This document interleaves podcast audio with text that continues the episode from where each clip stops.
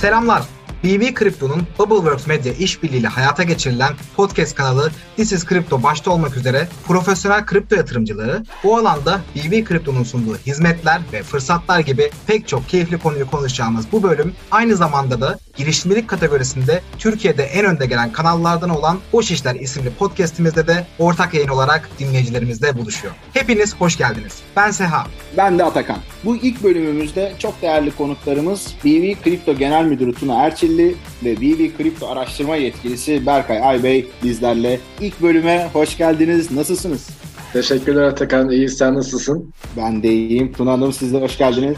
Hoş bulduk Atakan, Seha merhaba. Öncelikle bizi ağırladığınız için çok teşekkür ediyoruz BB Kripto olarak. Umarım herkesin aydınlanacağı güzel bir yayın olur. Ne demek biz çok teşekkür ederiz. Bizim için hem keyif, büyük bir mutluluk kaynağı. Aynı zamanda gurur da duyuyoruz açıkçası. Çünkü o dediğiniz aydınlanma kısmı çok çok değerli. Zaten birazdan içeriklerden bahsedeceğiz. BB Kripto'yu da daha detaylı bir şekilde tanıtacağız. Ama gerçekten aydınlanma burada olayı güzel bir şekilde özetleyen bir kelime oldu Tuna Hanım. Teşekkür ediyoruz. Şimdi izninizle ben kısaca bir özet vermek istiyorum. Sonrasında hem Tuna Hanım'ı hem Berkay'ı çok daha yakından tanıyacağız ve akışımıza devam edeceğiz. Öncelikle burada BB Kripto'nun podcast kanalının adı Dizis Kripto olacak ve bu podcast kanalının henüz böyle tanıtım bölümünü dinlememiş olan dinleyicilerimiz için konuşuyorum özellikle. Açıklamada bulunan linkten dinleyebilirsiniz. Hatta dinlemenizi tavsiye ederiz. Çünkü burada neler bekliyor, kimlerle karşılaşacaksınız, ne gibi bir içerik olacak kısmını çok daha detaylı bir şekilde ele alıyor olacağız. Fakat ben yine de minik böyle bir özet vermek istiyorum. Dizis Kripto Podcast kanalında kripto yatırımlarına ve özellikle böyle Web 3.0 gibi yeni gelişen hayatımıza giren noktaları, merak edilenleri, bu dünyaların geleceğini, trendlerini, teknik terimlerini tüm detaylarıyla ele alacak olduğumuz çok değerli konuklarımız ve BB Kripto'nun uzmanlığından yararlanacak olduğumuz bir içerik seti aslında bizi bekliyor. Üstelik mümkün olduğunca yalın, anlaşılır ve işin meraklılarına da yol gösterir bir yapıda olacak bu içerikler. Bunları söylerken bile ben çok heyecanlanıyorum. O yüzden sözü daha fazla da uzatmak istemiyorum ve sevgili konuklarımıza geri dönüyorum. Tuna Hanım, dilerseniz bir sizi tanıyalım. Oldukça derin bir kariyeriniz var. Bunun yanı sıra hayatta neler yapmaktan hoşlanırsınız? Böyle bir kariyer yolculuğuna nasıl geçiş yaptınız gibi böyle konuları öğrenebilirsek süper olur. Çok teşekkür ederim. Ben orijinalinde bankacı olan bir insanım. Uzun seneler bankacılık şu anda adı bile bulunmayan pek çok bankada çalıştıktan sonra portföy yönetimi işinde bir süre çalıştım. Ama ben e, iflah olmaz bir öğreniciyim. Kendimi öğrenici olarak tanımlıyorum. Rutine girmiş işler genelde beni sıkıyor. Uzun seneler sonrasında adım attığım kripto alanı aslında bankacılık yıllarımda da ilgilenmeye başladığım bir alan olmakla beraber öğrenici öğrenici kişiliğimi çok tatmin eden bir alan oldu açıkçası. Biraz evvel bahsettiğiniz gibi Web 03 daha e, detaylı konuştuğumuz zaman altını çizeceğimiz konulardan NFT, NFT gaming, kriptonun dinamik yapısı beni çok heyecanlandıran alanlar oldu açıkçası. İşin finans tarafında uzun e, bir yoldan geliyorum ama dediğim gibi kripto ve kripto yatırımı tarafı 5 senelik bir geçmişe sahip kariyerimde beni en çok heyecanlandıran alan oldu diyebilirim. Anladım süper. Burada bir o hayatta yapmaktan hoşlandığınız, sevdiğiniz hobi tarzında konularla ilgili de bir eklemeniz olursa onu da alabiliriz. Yoksa Berkay'a geçebilirim. Aa, tabii. e, seyahat etmekten çok hoşlanıyorum aslında. Yani her sene muhakkak yoğun çalışma tempoma rağmen gençliğimden beri yani rutin olarak gittiğim yer çok azdır. Her sene görmediğim yerlere gitmeyi severim. Sanatın her alanıyla ama özellikle sinema tarafıyla çok ilgiliyim. Yani bilimsel demeyeyim ama sinefil denilecek derecede sinema tutkunu bir insanım. Spor çok yapıyorum diyemem ama uzun yürüyüşler, bilmediğim rotalara uzun yürüyüşler, bisiklet kullanmak, yüzmek rutin olarak yaptığım ve çok sevdiğim uğraşlar. Anladım süper. Bu işin hobi kısmını sormayı bu arada gerçekten çok seviyoruz. Çünkü bence burada da o durum gözüküyor. İnsanların genelde sosyal hayatlarında yapmayı sevdikleri şeyler bir şekilde iş hayatına da yansıyor. Nasıl seyahatlerinizde, gezilerinizde o bilmediğiniz, yeni öğrenmek istediğiniz, keşfetmek istediğiniz yerlere gitmek istiyorsanız aslında bu kariyerinizde de bir yolculuğu gösteriyor. Yani 5 yıl önce dediğimiz zaman kripto dünyası böyle pek çok kişi için halen daha bilinmeyen bir dünya. Halen daha yine bilinmeyle ilgili ciddi eksiklikleri var. Zaten zaten bu kanalın çıkış amaçlarından bir tanesi de bu ama o birbirini eşleyen bir durumu var. O yüzden bunu da öğrenmek keyifli oldu. Ben de aksine seyahat tarafında bayağı şeyim. Yeni yerler göreyim istiyorum. İşte iki kere tatile gideceksem bir tanesi mutlaka müdavimi olduğum birkaç yer var. Onlara gidiyorum. Bir kendim orada bir garanti şey yapmış oluyorum. Ondan sonra yeniden bir keşfe çıkıyorum. Aslında burayı kapatmadan önce şunu söyleyeyim. Farklı yerler görme konusu birazcık konfor alanından çıkma isteğiyle alakalı. Aslında her sene gittiğiniz bir yere giderek son derece rahat ve dinlendiğiniz bir tatil yapıyorsunuz. Ama bir taraftan da merak kısmınız tatmin olmuyor. Yani çok görmeyi istediğiniz coğrafyalar, çok farklı insanlar, çok farklı kültürler görmek istiyorsanız rutin olarak gittiğiniz yerde bu tarafınızın tatmin olmasına imkan yok. Her sene farklı yerleri görme amacım aslında o merak tatmin etmek. Dediğine katılıyorum Atakan. Kripto tarafındaki ilgim de aslında o merakla başladı. Kesinlikle. Valla süper örnek oldu. İşin buralarına biraz daha derinlikli bir şekilde gireceğiz. Heyecanla bekliyorum ama öncesinde Berkay seni de tanıyabilirsek süper olur. Benim de Bitcoin ile tanışmam aslında üniversite yıllarına denk geliyor. Bir arkadaşım ilk başta bahsetmişti. Bitcoin diye bir şey varmış diye. Biz de o arada tabii bilirsiniz üniversitede bir ne iş yapacağız, geleceğimiz nasıl olacak diye böyle bir sürü problemler olur. Ben de bunların içerisindeydim aslında. Daha sonra okuyunca, araştırınca sevdiğim işi bulduğumu fark ettim ve o günden bugüne de her günüm Bitcoin'e geçiyor. Herhalde piyasaya bakmadığım bir gün bile olmadı o zamandan beri. Yaklaşık 5-5,5 yıl oluyor. O zamandan beri ilgileniyorum. Sürekli kendimi geliştirdim. İlk başta daha teknik kısımlarla ama son yıllarda iyi iyice daha işin ekonomi kısmıyla diyeyim. Yani daha teknik değil de, kod değil de ekonomi kısmıyla ilgiliyim. İki buçuk yıldan biraz fazla bir süredir de BB Kripto'da Tuna'nınla beraber çalışıyoruz. Pandemi öncesinde iyi ki tanışmışız dediğimiz bir döneme denk geldi. O günden beri de piyasa araştırması araştırmacısı olarak BB Kripto'da görev alıyorum. Amacımız da burada tabii bu podcast'te de beraber aslında yapılmayanı yapmak gene. Çünkü bizim e, yazılı kaynaklarımıza da bakılırsa orada da zaten hep farklı bir bakış açısı kazandırmaya başlıyoruz. Zaten yapılmış yapılmış, yazılmış olan bir şey varsa bunu kopyalamak hedeflerimiz arasında değil. O yüzden yeni bakış açısı kazanmak amacıyla da burası da yeni bir güzel bir mecra olacak bence. Daha çok kişiye ulaşabiliriz diye düşünüyorum. Kişisel olarak da bahsedersem en çok yani kripto dışında sporla içli dışlıyım. Spor pek yapmam ama çok izlerim. Özellikle Formula 1 tarafına bayağı tutkuluyum. Beni Twitter'dan takip edenler de varsa eğer mutlaka ana sayfalarında benden kaynaklı bir iki post düşmüştür Formula 1'dan dolayı. Basketbol, futbol ve PlayStation'da yine ilk alanların başında geliyor. Valla süper. E, de böyle daha yakından tanıdığımıza ayrıca sevindim. Ben de biraz Berkay gibiyim. Aslında spor kariyerimde eskiden vardı ama özellikle pandemiyle beraber bir sporsuzluk hayatıma çökmüş oldu. Maksimum uzun yürüyüş yapıyorum. Yeniden döneriz diye düşünüyorum. Böyle Seha ile özellikle bir buçuk iki saat çıkıp böyle Cadde Bostan'a doğru yürüdüğümüz o arada da işten kurtulalım birazcık bir kafamızı rahatlatalım diye yaptığımız ama yine konuya işe bağladığımız bir yürüyüş oluyordu. Ama yine o da keyifliydi. Şimdi işin merak ettiğimiz önemli önemli kısımları var. BV Kripto nasıl bir ihtiyaçtan ortaya çıktı? Oldukça farklı bir yapı ortaya koyuyor. Pek çok sunduğu çözümler var. Bu yapıyı hayata geçiren atmosfer neydi? Arayışlar neydi? İhtiyaçlar ve problemler neydi? Bunları sizden bir dinleme şansımız olursa çok seviniriz Sunan. Evet, burada ben devreye gireyim. Çatı şirketimiz olan Boğaziçi Ventures çatısına 2018 yılının sonlarına doğru katıldım. Boğaziçi Ventures bir girişim sermayesi firması aslında, bir venture capital firması. Kurucu ortaklarının kripto ile ilgisi de aslında oyun sektöründeki aktiviteleriyle alakalı. Biliyorsunuz ki oyuncular kriptoyu ilk çıktığında yani 2008 yılının sonlarında Bitcoin ile ilgili ilk manifesto diyelim yayınlanıp internete e, atıldığında en çabuk bu işi sahiplenenler oyuncu kitlesi oldu. Çünkü bilgisayarları oyuncularının kartları kripto mining için uygun olan bir kitleydi onlar. Dolayısıyla uzun zaman ve hala da öyle oyunculukla, gamerlıkla kripto başa baş e, giden iki alan. Bizim kurucu ortaklarımız da sahip oldukları, kurdukları daha doğrusu bir oyun şirketiyle buna bağlı iki tane ödeme sistemini Güney Kore ve Malezya'ya satarak Türkiye'nin ilk exitini, oyun alanında ilk exitini yapmış kişiler ve dolayısıyla e, kriptoyla da çok alakalı olan kişiler. Yani Boğaziçi Ventures'den ayrı olarak BV Kripto'yu görmek mümkün olmadığı için aslında kuruluş hikayesini biraz anlattım. Bu çatının altındaki kripto ilgisinin yüksek olması aslında birazcık benim bu yapıya bağlandıktan sonra benim ilgi alanımla örtüştüğü için müthiş bir sinerji doğdu.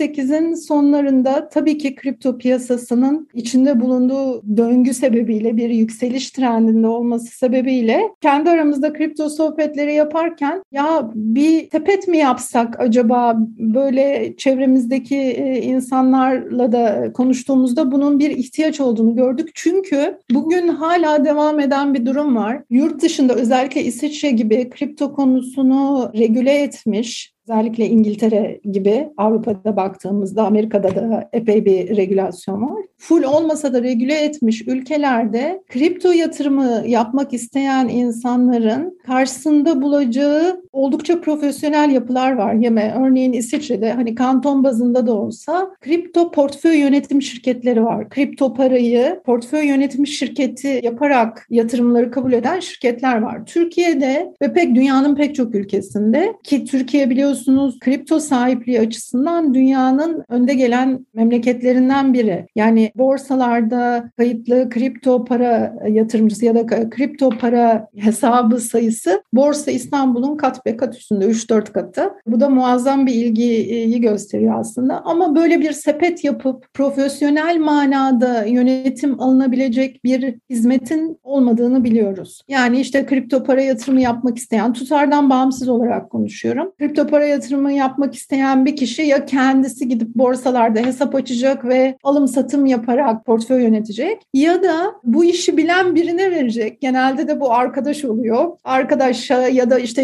influencerlar var biliyorsunuz Twitter'da ya da işte sosyal medyanın çeşitli alanlarında. Oralardaki kişilerin trade önerilerine uyarak hareket eden kişilere paralarını vererek yatırımlarını yönlendirecekler. Aslında bu ihtiyaçtan doğdu diyebiliriz. Tutardan bağımsız olarak yani yatıracağı tutar küçük olan da büyük olan da bu iki yöntemden birini seçiyor aslında Türkiye'de. Biz tam olarak bu ihtiyaçtan doğduk. Hem kendi kripto ilgimizin bir meyvasıdır VV Kripto hem de kurumsal olarak karşılarında böyle bir yapıyı görmelerini sağlayan bir şirkettir. Bir kripto yatırımcısı bize yatırım yaptığı zaman ürün yelpazemizdeki bir ürüne parasını gönderdiğinde karşısında Boğaziçi Ventures'ın altında kurulmuş bir portföy şirketini muhatap olarak görüyorlar. X bir şahısı, X bir cüzdanı, X bir banka hesabının değil. Burada şunu da eklemek isterim. Boğaziçi Ventures'ın ana fonu olan BB Growth fonu bir girişim sermayesi yatırım fonudur. Ana yatırımcısı Türkiye Cumhuriyeti Devleti hazinesidir. Ee, bununla beraber pek çok emeklilik şirketi, Türkiye'nin bilindik kurum ve şahıslarından da onlarca yatırımcısı olan büyük bir fondur. Yani böyle bir yapının altındaki bir portföy şirketine yatırım yapmış oluyor. Kripto yatırımı yapmak isteyen insanlar bize para gönderdiklerinde. Anladım süper. Burada işin bayağı bir kısmını aslında not aldım. Önemli noktalar var ama bir iki tanesi özellikle çok dikkatimi çekti. Birincisi o Tuna Adım'ın işin güvenilirliği ile ilgili devlet hazinesinden gelen oradaki anlaşma kısmı var. Bir diğeri de genelde aslında hani Tuna'nın bir girişim demek ne kadar doğru oluyor emin değilim ama işin içerisinde en azından girişimci bir bakışın olduğu zaten çok net yani kuruculardan da gelen bir kas da var burada. İşin gerçekten o kurucular tarafında ve işte bu işin üst yönetimi tarafında o doğru yetkinliğe sahip olunan bir kuruluş olması bu kadar hassas bir alanda çok önemli bir değer ortaya koyuyor ve biraz önce işte Berkay da kendisi tanıtırken söylemişti o üniversite yıllarında neyi ne yapalım falan filan gibi sohbetler olabiliyor. Bu üst yaş gruplarına doğru da evrile evrile aslında bir şekilde de devam ediyor ve sahip olduğun sermayeyi az veya çok fark etmez. İşte bunu yönetmeyle ilgili bir arayış ortaya çıkıyor. Burada da güven konusu en önemli şey. Sanırım burada da bayağı güzel cevaplar alınmıştır. Hatta Seha'da birazdan burada işin o profesyonel yönetimiyle ilgili bir noktaya doğru gelecek. Ben Seha'ya bir pas atmış olayım burada. Evet, evet çok teşekkürler Atakan. Ya gerçekten sen de zaten bahsettin. Hem kuruluş aşamasındaki yetkinlikler hem de kripto yatırımcılığındaki ihtiyaçları görmek gerçekten kulağa çok etkileyici geliyor. Bu noktada BV Kripto'nun çok önemli olduğunu düşündüğümüz bir maksimum güvenlik, optimal dağılım mottosu dikkatimizi çekiyor. Dinleyicilerimiz bu mottodan neler anlamalı? Ek olarak bunun haricinde de ne gibi değer önerileri sunuyorsunuz? Bunu da merak ediyoruz açıkçası. Aslında bu mottonun sahipliği bende.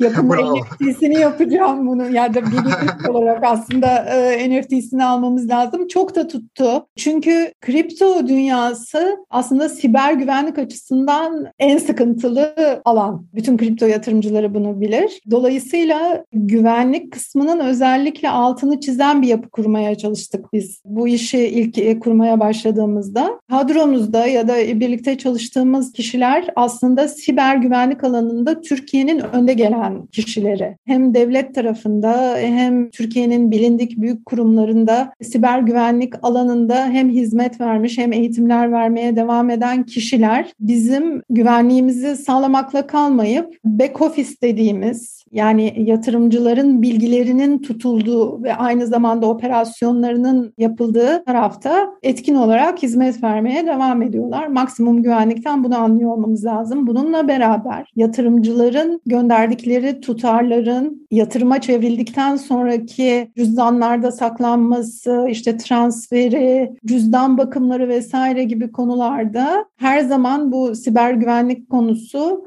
bizim en öncelikli konularımızdan biri. Bakın biraz evvel hani e, güvenlikle ilgili konuştuk ya. Hakikaten buradaki kazançtan ziyade karşı karşıya olunan riskleri göz önünde bulundurduğunuzda güvenlik bir adım öne çıkıyor bizim açımızdan. Güvenlik hem yatırımcıların gönderdikleri tutarların güvenliği hem de kuruma duyulan güven olarak kendini öne çıkaran kavram bizim açımızdan. Optimum alokasyona gelince aslında ürünler tarafında detaylı konuşacağız ama burada ufak bir teaser yapmış olayım. Bizim çeşitli ürünlerimiz var. Dijital varlık e, sepetleri dediğimiz içinde belirli bir alokasyon olan çeşitli kripto varlıkların bulunduğu, dijital varlıkların bulunduğu bunu sadece işte Bitcoin, Ethereum ya da altcoin'ler olarak anlamayın. Aynı zamanda işte bir NFT gaming dijital varlık sepetimiz e, var. Bunun içinde Metaverse arazisi de var. Collectible dediğimiz NFT'lerden de var. Çeşitli dijital varlıklar tırnak içinde söylüyorum. Alokasyonunun yapıldığı çeşitli ürünlere sahip bir yelpazemiz var. Alokasyon kısmından anlaşılması gereken bu. Optimum tarafından anlaşılması gereken de aslında şu. Hiçbir zaman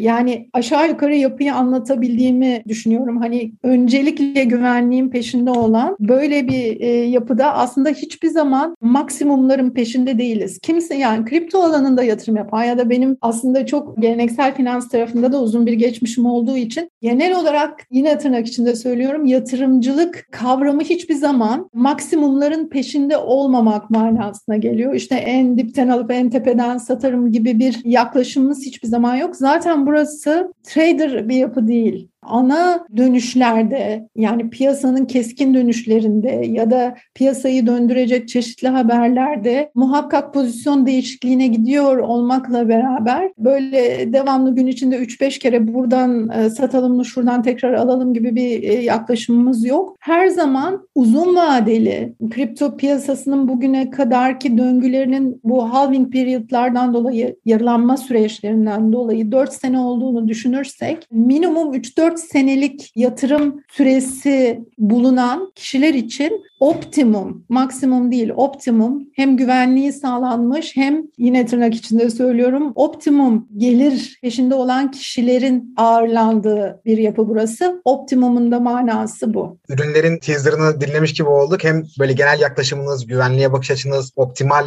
dağılımı, maksimum güvenliği çok güzel anlattığınız bir açıklamaydı. Burada BV Kripto bünyesinde aslında pek çok ürün ve hizmetten de bahsettiniz. Bize kısaca bu hizmetlerin, ürünlerin neler olduğunu biraz daha e, açabilir misiniz rica etsem? Tabii böyle e, genel bir bölümleme yaparsak biraz evvel bahsetmiş olduğum dijital varlık sepetleri var. Bunlar içinde birden fazla kripto varlığın bulunduğu, içinde bir alokasyon yapılmış varlık sepetleri adından da belli olacağı gibi. Fixed ya da mutlak getiri veren ürünlerimiz var ki bunların en başında DeFi piyasası var. DeFi piyasalarında çeşitli havuzlarda bizim tarafımızdan seçilmiş havuzlarda stable coin pairlerine yatırım yaptığımız bir yatırım şekli. Burada fix diyemem, değişken getirili bir ürün ama mutlak getiriden bahsediyor olabiliriz. Bir de saklama ürünlerimiz var. Ya bizim tarafımızdan alınmış ya da yatırımcı tarafından transfer edilen çeşitli kripto varlıklara faiz benzeri baştan anlaştığımız getiriyi verdiğimiz ürünlerimiz var. Bunlar ana başlıklar. Bunların altında tabii dijital varlık sepetleri birden fazla 6-7 tane çeşitlemeye sahip. Berkay aslında bunların performansları ile ilgili her ay adına fact sheet dediğimiz performans raporları hazırlıyor. Birazcık alt kırılımlardan da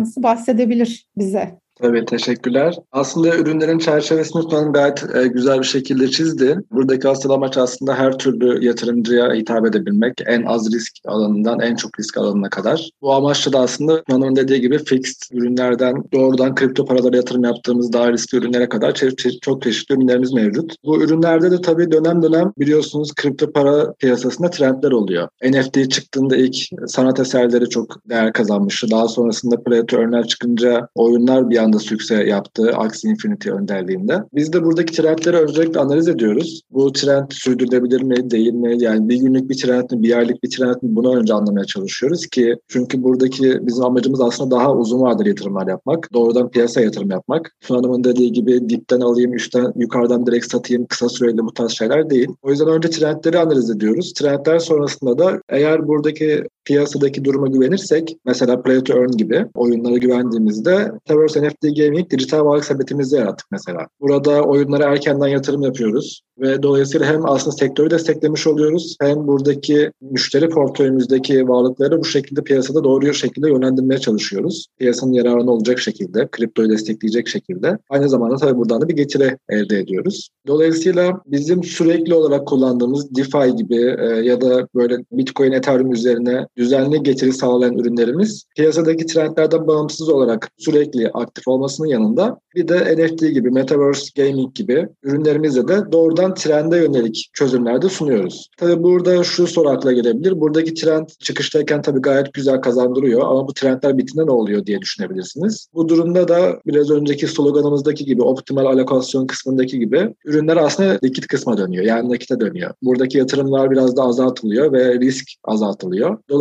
bir kar realizasyonu yapılıyor da denebilir. Yanlış olmaz. Bu nedenle aslında çok aktif, uzun vadeli ve çok çeşitli konulara, trendlere değinen ve trendlerin sürdürülebilirliğinin analiz edildiği için de güvenilir ürünlere sahip olduğumuzu rahatlıkla söyleyebiliriz bir yandan aslında bu konuyla ilgili sormak istediğim başka sorular var. Fakat tüm dinleyicilerimize sesleniyorum buradan tekrar. İkinci bölümde ana konumuz bu. Buradaki ürünler nedir, hizmetler nedir, bunların altında yatan sebepler, yaklaşımlar vesaire gibi konulara çok derinlemesine gireceğiz. Ve bir yandan da işte ilerleyen bölümlerde mesela burada da bazı terimler geçiyor. Alokasyon gibi. Herkes hakim olmayabilir. Bu oldukça doğal. Lütfen sakin olalım. Diğer bölümlerde bazı işte terimlerle ilgili genel yaklaşımlarla ilgili de böyle detaylı girip anlatacak olduğumuz ve bu dünyaya hepimizin çok daha iyi ve işte o güven vurgusunu tekrar yapmak istiyorum. Bu yaklaşımla beraber öğrenecek olduğu bir yapı bizi bekliyor. Şimdi bir yandan da işin biraz böyle trendleri, Türkiye'deki, dünyadaki konumlar neler, nasıl gidiyor bunları da çok yakından takip ediyorsunuz. O yüzden de bir sormak istediğim şöyle bir şey var. Vermiş olduğunuz hizmetlerin muadilleri ne durumda? Var mı, yok mu? Varsa nasıl şeyler var? Ve işte şu anda dünyada, Türkiye'de geleneksel yatırımcılığın yanında kripto para dünyasının gelişimini ve geleceğini nasıl görüyorsunuz diye biraz böyle genel bir soru sormuş olayım. Oradan yavaş yavaş özele doğru ineriz. Ben buraya bir girizgah yapayım. Tam da Berkay'ın konuları geldi. Aslında onun söylenecek çok şey olacaktır orada. Öncelikle bizim e, modeli ilk e, giriş kısmında kendi kripto ilgimi anlatırken e, tabii ki bu şirketin kuruluş aşamasında dünyadaki bazı modelleri incelediğimde şunu gördüm. Şimdi tabii ki bir ülkedeki kripto ilgisi önemli bir tetikleyici. Yani o ülkenin kripto alanında gelişmesiyle ilgili olarak ama dünya dünyanın 2008 yılından beri bu tabii Bitcoin'in de çıktığı yıla denk geliyor. 2008 krizinden beri likiditeye boğulduğunu da düşünürsek aslında ana tetikleyicisinin buradaki yatırımların ana tetikleyicisinin birazcık da bu kripto bolluğu olduğunu anlayabiliriz. Çeşitli ülkelerin yaklaşımları tabii ki farklı oldu. Biraz evvel de söylediğim gibi Avrupa'da İsviçre ve İngiltere başta olmak üzere ve tabii ki dünyada da Amerika başta olmak olmak üzere pek çok ülke burada üzerlerine düşeni yapmaya çalıştılar. Tabii ki her yeni şey gibi burada da pozitif ve negatif yaklaşımlar var. Mesela IMF tarafından zaman zaman ya da yasa koyucular tarafından ya da resmi makamlar tarafından negatif söylemler gelmekle beraber ilgilenmeye devam ediyorlar mecburen. Çünkü gelenekselin yanında çeşitleme olarak, alternatif yatırım alanı olarak en başta parlıyor. Yani emtianın da yerini aldı bir noktada diyebiliriz. İsviçre bu konuda biraz evvel de söylediğim gibi benim açımdan çok parlak. Yani büyüklük olarak bakmak değil ama model olarak baktığımızda gerek dijital hukuk, gerek yatırım tarafındaki modeller olarak bayağı bir ev ödevi yapmış gözüküyorlar. Hatta şöyle bir örnek verebilirim. Benim en uzun süre çalıştığım Türkiye'nin önemli bankalarından bir tanesinin Türkiye'de çok çok kriptoya e, negatif yaklaşımı varken bu bankanın İsviçre'deki yapısının kripto alanında çok e, inovatif ve çok hızlı gelişen bir yapısı var aslında. Bu birazcık ülkelerin yaklaşımı ve altyapıyla alakalı. Tabii Amerika dünyanın en büyük fonu olan Grayscale'e sahip. Yani Coinbase bir Amerikalı şirket. Dolayısıyla hani Amerika'nın para bolluğunun olduğu ve ana rezerv paranın ülkesi olan bir memleket olarak bu konuda da öne çıkması olması aslında sürpriz değil.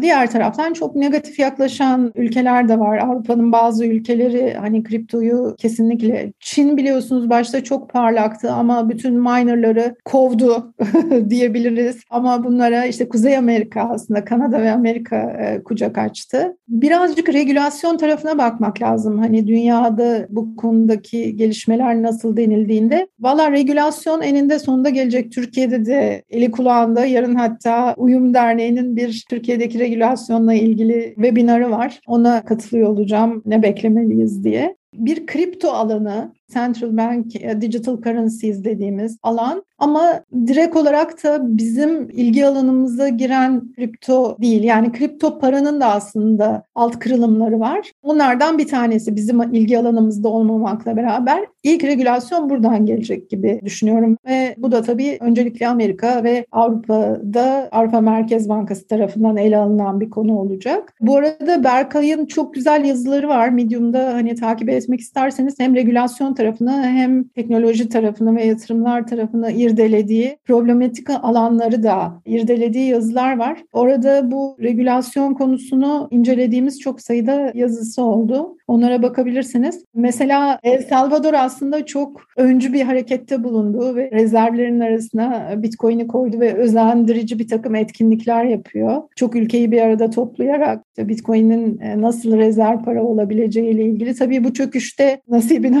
almıştır ama kesinlikle caydırıcı olmayacağını düşünüyorum. Dünyadaki eğilimler böyle. Teknolojideki gelişmelerle ilgili olarak da birazcık Berkay yani o tarafı güzel anlatırsın diye düşünüyorum. İstersen sözü sana bırakayım. Teşekkürler Tuna Hanım. Aslında ben de biraz piyasadaki algıdan bahsedebilirim. Algı değişiminden bahsedebilirim. Genel çerçeve olarak çünkü çok önemli. Daha öncesinde mesela piyasada daha çok hakim olan düşünce Bitcoin'in geleneksel piyasayı, ekonomiyi iyi bitireceği, dönüştüreceği yönündeydi. Agresif bir tutum söz konusuydu. Ama bu son zamanlarda Wall Street'teki şirketlerin mesela geleneksel e, finanstaki büyük şirketlerin kripto yatırım yapmasıyla artık buradaki köprüler daha güçlü bir şekilde kurulmaya başlandı. Bu köprülerin kurulması yani merkezi şirketlerin geleneksel taraftaki şirketlerin de piyasaya dahil olması buradaki algıyı da aslında pozitif anlamda etkiledi. Şu anda biraz daha agresif bir algı yerine, bir ideoloji yerine şu anda daha çok entegrasyon üzerine kurulu bir hedefler görüyorum ben daha çok. Bu hedefler tabii pastayı büyütmeye yarıyor. Daha öncesinde pastadan pay almak amacıyla yapılan yorumlar artık pastayı büyütüp hepimizde yetecek payı almak üzerine kurulu. Dolayısıyla piyasanın son derece pozitif yönde ilerlediği söylenebilir. Günümüzde biliyorsunuz global anlamda bir enflasyon dalgası var tüm dünyada. Ülkemizde de bu aynı şekilde söz konusu. E, o yüzden ilk atılan genelde regüle adımlar hizmet ve mal alımının kripto parayla alınmasının yasaklanması yönünde oluyor. Bunda burada tabii empati yapmamız lazım regülatörler ve devlet yetkilileri kısmında. Enflasyonu önlemek ve paranın değerini korumak için ilk başvurdukları yol bu. Ama bu tabii ki Bitcoin kullanımını azaltmıyor ya da hedeflerini azaltmıyor. Sadece kısa vadeli alınan önlemler olarak bakmak gerekiyor. Onun dışında globalde görünüm gayet pozitif. Türkiye'de de pozitif. İnsanlar çok fazla ilgi gösteriyor. Hem kurumsal olarak hem bireysel olarak. Bu aynı şekilde globalde de böyle. Mesela İngiltere'nin bir politikası oldu. Fintech ile birlikte kriptoyu geliştirmek ve ana sektörlerden, ana inovasyon inovasyon sektörlerinden biri haline getirmekle ilgili. Dolayısıyla bu tarz adaptasyonlar çok değerli. Yani kriptoyu yutarak değil de entegre olarak kendini sürekli büyütüyor. Ve burada asıl aranan cevaba ulaşıyoruz. Şöyle ki normalde Bitcoin'in piyasaya dönüştüreceğiyle ilgili düşünceler sürekli vardı ama buna bir tam olarak cevap yoktu. Çünkü ödeme için yeterince hızlı değil,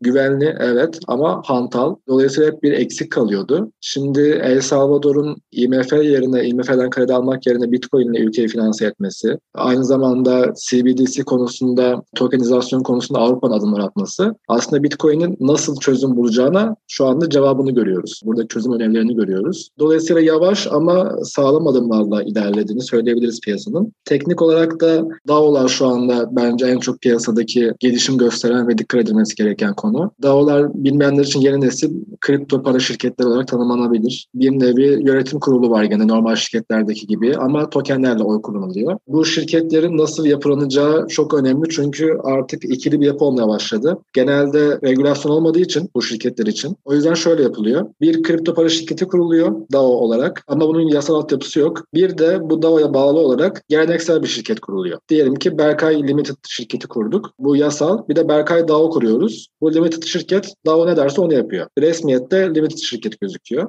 Dolayısıyla şu anda böyle bir ikililik söz konusu ve bazen zaman zaman da krizler olabiliyor. Çünkü mahkeme kararları mesela Limited şirketi etkiliyor. Ama DAO kabul etmezse bu kararı gene uygulamama şansı var. Merkeziyetsiz bir sistem çünkü. Bu tarz teknolojik gelişmeler ve çalkantılar söz konusu tabii ki. Ama bunların hepsi inovatif gelişmeler içerisinde bence deneyimlenmesi gereken pozitif konular. Tabii zaman zaman yatırımcıların para kayıplarıyla beraber bu biraz da acı bir tecrübeye dönüşebiliyor. Orada da işte bizim de bahsettiğimiz gibi güvenlik konusu önemli. Bizim de varlıklarımızı soğuk düzen tuttuğumuz gibi insanların da varlıklarını soğuk düzen tutmaları bu konuda son derece faydalı oluyor. Bunun dışında da genelde son olarak şunu ekleyeyim diyeyim. Veri güvenliği karşımıza çıkıyor. Bilindiği gibi şu an sosyal medya üzerinde paylaştığınız her tür bilgiler sosyal medya platformları tarafından kullanılabiliyor. Buna izin vermiş oluyorsunuz. Kripto paralarla beraber ve 3.0 dediğimiz devrimle beraber de bu verilerin kişiye özel olması ve sizin onayınız olmadan kullanılamaması yönünde geliştirmeler yapılıyor. Bu hem bilgi transferi konusunda böyle hem de sosyal medya konusunda böyle ama tabii çok daha başındayız şu an işin. Bunlar da bize heyecanlandıran ve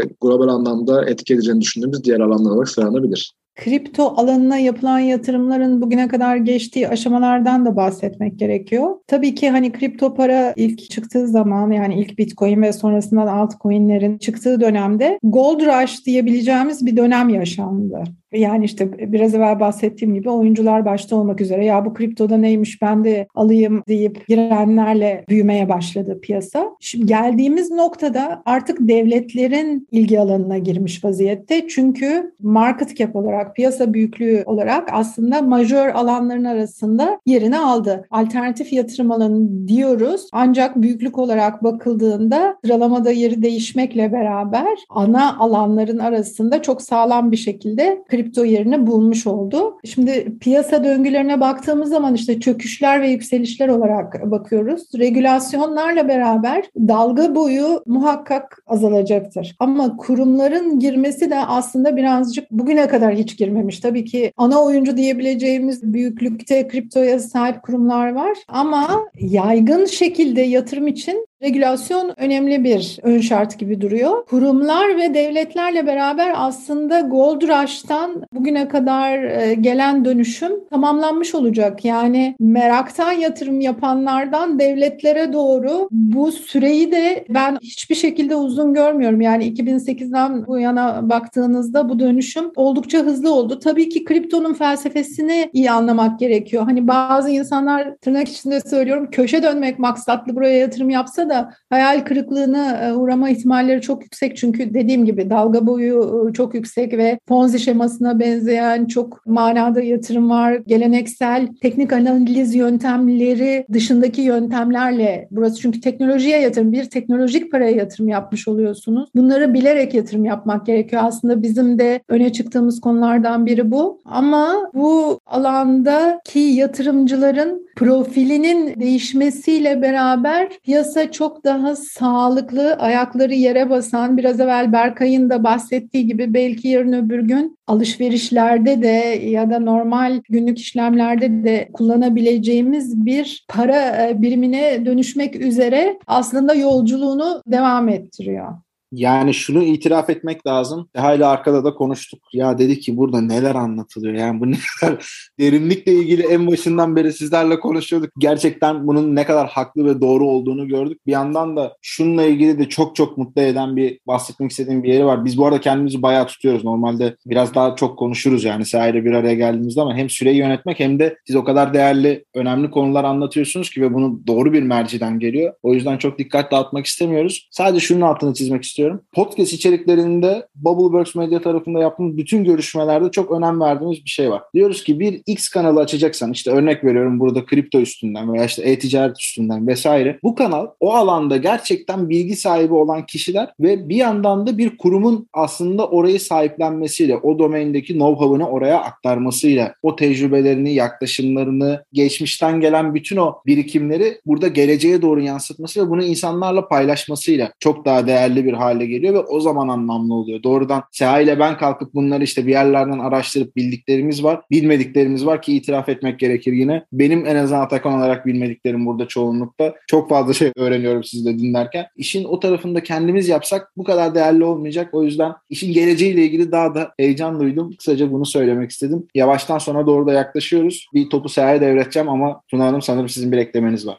Şöyle aslında kripto toplumu dönüştüren bir konu. Bu girişimciliğin de ruhunda aslında burası da bir girişim olarak doğmuş bir şirket. Girişimciliğin ruhunda aslında değiştirme isteği de var. Yani teknolojinin bu kadar hızlı geliştiği bir dönemde aslında şirketlerin kişiyle o şirketlerde çalışan kişilerin her kişinin bir de e, sosyal görevi oluyor aslında. Sosyal sorumluluk projesi gibi. Bunları paylaşmak çünkü toplumun pozitif dönüşümü sadece bir mal ve hizmet satmakla olmuyor. Bunu bıkmadan, yılmadan ve büyük bir motivasyonla herkesle paylaşıyor e, olmak gerekiyor. O yüzden sizin kanalınız bizim açımızdan bu görevimizi yerine getirmekle ilgili çok önemli bir vasıta oldu. Tekrar tekrar teşekkür ediyorum o yüzden. Ne demek biz teşekkür ederiz. Mutluluk duyuyoruz o gerçekten. Evet gerçekten sizin de bahsettiğiniz gibi böyle iştahımızın, coşkumuzun kabardığı bir nokta oldu özellikle bu son kısımlar. Şu anda da şunu biliyoruz yani bizi büyük bir merakla dinleyen aslında pek çok yatırımcı da var. Burada BB Kripto bünyesine dahil olmak isteyen yatırımcıları nasıl bir yol haritası beklediğini de paylaşabilir misiniz? Tabii ki. Şimdi biz aslında bu işe büyük yatırımcı demeyeyim ama tanımı high network olarak geçen İngilizce e, kullanıyorum burada çünkü tam olarak Türkçe karşılığı yok ama ama bugün alayım bugün satayım oradan işte 100 dolar kar edeyim yaklaşımı olmayan daha uzun vadeli alternatif yatırım alanı olduğu için bütün varlığının içinde aslında yani bu rakamı mutlak olarak almayın ama benim tercihim olarak görün. %10'u aşmayacak şekilde aloke edebilecek parası olan insanların geldiği bir senaryo olarak kurguladık burayı. Varlık seviyesi yeterli olan kişiler daha çok kendi çevremizden, arkadaşlarımızdan arkadaşlarımızdan ve Boğaziçi Ventures'ın çevresindeki kişilerden başlayarak böyle dalgalar halinde suyun üzerindeki dalgalar halinde yayılarak bir yatırımcı kitlesine ulaştık. Bu kişiler ya referans yoluyla bize geliyorlar ya biz e, onları buluyoruz. Beni mutlu eden taraf şu, kripto ilgisi olan kişiler ve daha önce de kripto yatırımı e, yapmış olan kişiler de var yatırımcılarımız arasında. Ama ilk kripto yatırımını bizim üzerimizden yapan, ilk bitcoin yatırımını yatırımını bizim üzerimizden yapan yatırımcılarımız da var. Biraz evvel bahsettiğim bu dönüşüm, gelişim manasında aslında üzerimize düşeni yaptığımızı da gösteriyor. Nasıl yatırımcı olunuyor? Dediğim yöntemlerle bir şekilde karşılaştığımız yatırımcılara kendimize anlatıyoruz. Bir yatırımcı sözleşmemiz var. Bütün süreçleri, ürünleri neyle karşılaşacaklarını anlatan önemli bir döküman. Bu sözleşmeyi imzaladıktan sonra bu arada şunu da söylemem gerekiyor. Kripto hizmet varlık sağlayıcıları yatırımcıları iki sene önce MASAK tarafından yükümlü sayıldı, MASAK yükümlüsü. Dolayısıyla bütün süreçlerimizin MASAK genelgesinde yayınlanan gerekliliklere uygun şekilde yürütüldüğünü söylemem gerekir. Bu çerçevede yatırımcılardan almamız gereken evrağı aldıktan sonra transferi alıyoruz. Üzerinde anlaştığımız ürün neyse biraz evvel bahsettiğimiz dijital varlık sepetleri olabilir, işte DeFi olabilir ya da işte mutlak getirisi ya da fixed income dediğimiz alana giren ürünler olabilir.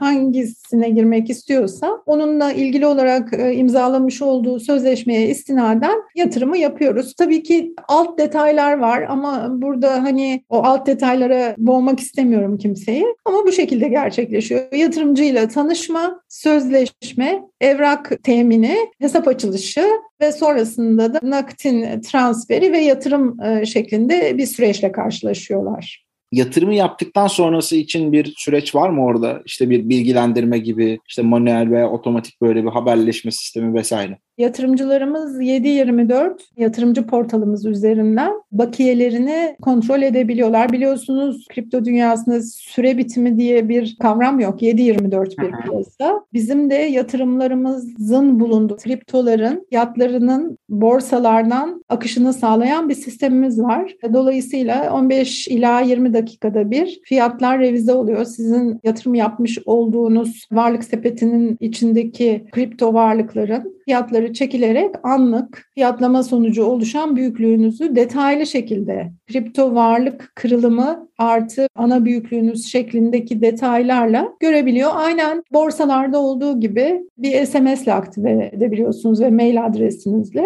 Dolayısıyla e, her an görebiliyorlar. Bununla beraber aylık olarak bütün ürünlerimizin bunu da Berkay hazırlıyor biraz evvel söylediğim gibi. Bütün ürünlerimize ait uzun dönemli çıktıkları günden itibaren performanslarını görebilecekleri detaylı data sheetlerimiz var. Bunları paylaşıyoruz. Web sitemize yüklüyoruz. Kripto dünyasındaki gelişmeleri takip edebilmelerini sağlayan haftalık mailinglerimiz var. Kendi portföyleri dışında ne, ne var, neler olup bitiyor, ne yenilikler var bunları da bizim üzerimizden sağlıklı şekilde takip edebiliyorlar. Potansiyel yatırımcılarımızla bir araya e, geldi verdiğimiz e, podcast e, yayınlarımız var gibi. Yani biz e, iletişimi Anladım. çok kolay olan bir şirketiz öyle söyleyeyim.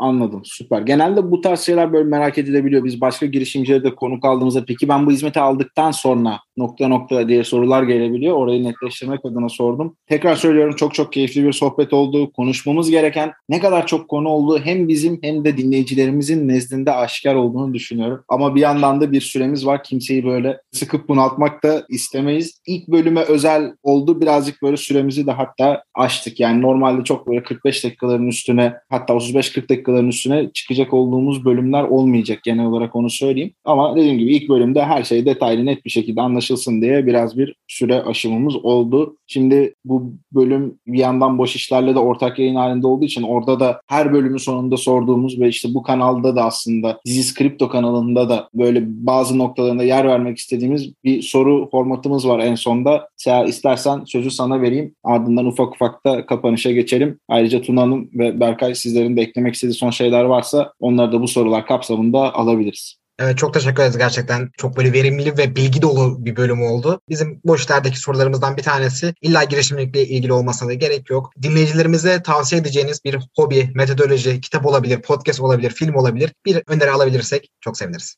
Benim gene kripto ile ilgili bir tavsiyem olacak. Ben genelde arkadaşlarıma, dostlarıma vesaire anlatırken Bitcoin nasıl çalıştığını e, en basit şekilde anlatmaya çalışıyorum. Bunun içinde bir video var. İngiliz BBC kanalının yayınladığı bir video. Bence gayet kullanışlı. O yüzden giriş seviyede olanlar, Bitcoin nasıl çalıştığını bilmeyenler için çok basit, eğlenceli ve kısa bir video tavsiye edebilirim ben. Eğer Google'a Bitcoin Explained How Do Cryptocurrencies Work yazarlarsa videolardan direkt çıkar zaten. Alt yazısı da var, alt yazılı versiyonları. Oradan video izler ederse sadece 2,5 dakikada Bitcoin'in çalışma sisteminin neden önemli olduğunu çok kısa bir şekilde anlayabilirler.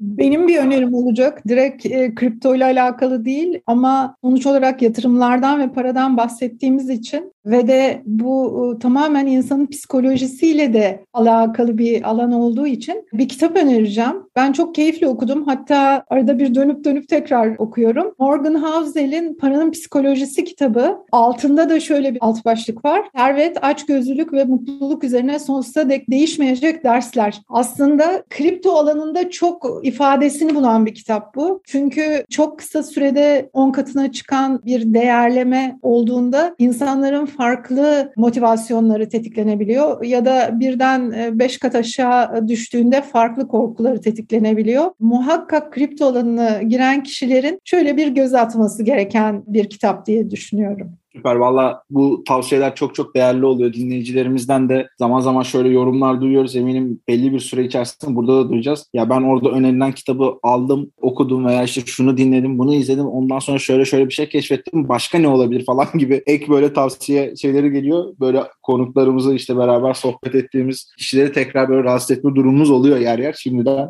bilginiz olsun işin o tarafında. Bir yandan da son sorumuzu artık ben de sorayım. Biz boş işleri kurarken bizi ilk defa burada denk gelen belki dinleyicilerimiz de olabilir. Diziz Kripto Podcast kanalı tarafında girişimcilik boş iştir diyerek aslında ya arkadaşlar bu girişimcilik işlerine geçin bunlardan bir şey çıkmaz diyen çeşitli kişilere, çevrelere nazire yapmak amacıyla bu yolculuğa çıkmıştık ve ilk başta da demiştik ki ilk bölümümüzün sonunda girişimcilik boş iştir. Sonrasında da pek çok konumuzdan işte girişimcilik kan ter gözyaşıdır. Girişimcilik uykusuz gecelerdir veya işte iş hayatı nokta noktadır vesaire gibi yorumlar geldi. Peki siz burada ne demek istersiniz? Sizce girişimcilik, iş hayatı bir kelime, bir cümle vesaire bununla tanımlamak isterseniz nasıl bir şey söylemek isterdiniz? Aslında kullanacağım kelime hoş bir kelime değil ama diğer taraftan çok da iyi anlatıyor girişimciliği. Girişimcilik hiç bıkmadan tırmalamaktır. yani her e, çareyi bulmak için her kapıyı tırmalamak, her imkanı değerlendirmeye çalışmaktır bence. Yani tırmalamak kelimesi benim bugüne kadar fon tarafında özellikle fon bulmaya çalışan ki Türkiye fon bolluğu az olan bir ülke, fon bolluğu olmayan bir ülke, az olan bir ülke doğru değil, e, fonu az olan bir ülke. Oraya gelen girişimlerde gördüğüm hareket tarzı aslında gerçekten e, tırmalamak. Ne sebeple çıkmış olursa olsun girişim tırmaladıklarını görüyorum. Aynen devam etmelerini istiyorum. Kesinlikle süper. Buradan da motivasyonumuzu da aldık. Bence tam da o girişimcilerin ağzından çıkacak bir cümleydi bu arada o tırmalama kısmı. Biz de yine girişimci olarak %100 katılıyoruz Tuna. O zaman tekrardan çok çok teşekkür ediyoruz. Ağzınıza sağlık. İyi ki beraber bu kanalın yolculuğuna çıkmışız. Berkay'ın dediği gibi gerçekten konuşacak çok fazla şey var. Dinleyicilerimizin de bizimle katılması ve böyle bu masanın etrafında bu sohbetin birer parçası gibi kendilerini hissetmeleri bizim için çok çok değerli ve kapanışı yapmak üzere Seha sözü sana bırakıyorum ederim Takan. E, Tuna Hanım size çok teşekkür ederim. Berkay sana da gerçekten inanılmaz bir know-how aktarımı oldu ve sonraki bölümlerde de olacağını hissettik. Heyecanlandım. Onun için kapanışı da yapıyorum. This is Crypto'nun podcast boş işlerle ortak yayınlanan ilk bölümünün sonuna geldik. Bir sonraki bölümde BB Crypto'nun sunduğu ürünler, bu ürünlerin nasıl çalıştığı gibi konular hakkında çok daha fazla bilgi seni bekliyor. Gelecek bölümlerse tam bir rehber niteliğinde olacak. Bu yüzden yakın takipte kalmanı tavsiye ediyoruz. Bildiğin gibi bizimle konuşman, iletişim halinde olman çok değerli. Dilediğin zaman zaman yorumlarını ve geri bildirimlerini bize iletebilirsin. Temasta kalmamız ve This is Crypto'yu interaktif bir şekilde ilerletmemiz kanalın gelişimi ve size sunacakları için çok önemli. Bize BB Crypto'nun Twitter hesabından, Bubbleworks Medya'nın Instagram hesabından veya info at bubbleworksmedia.com e-mail adresimizden ulaşabilirsiniz. Bizi dinlediğiniz için çok teşekkür ederiz. Önümüzdeki bölümlerde görüşmek üzere. Görüşmek üzere. Görüşmek üzere. Görüşmek üzere.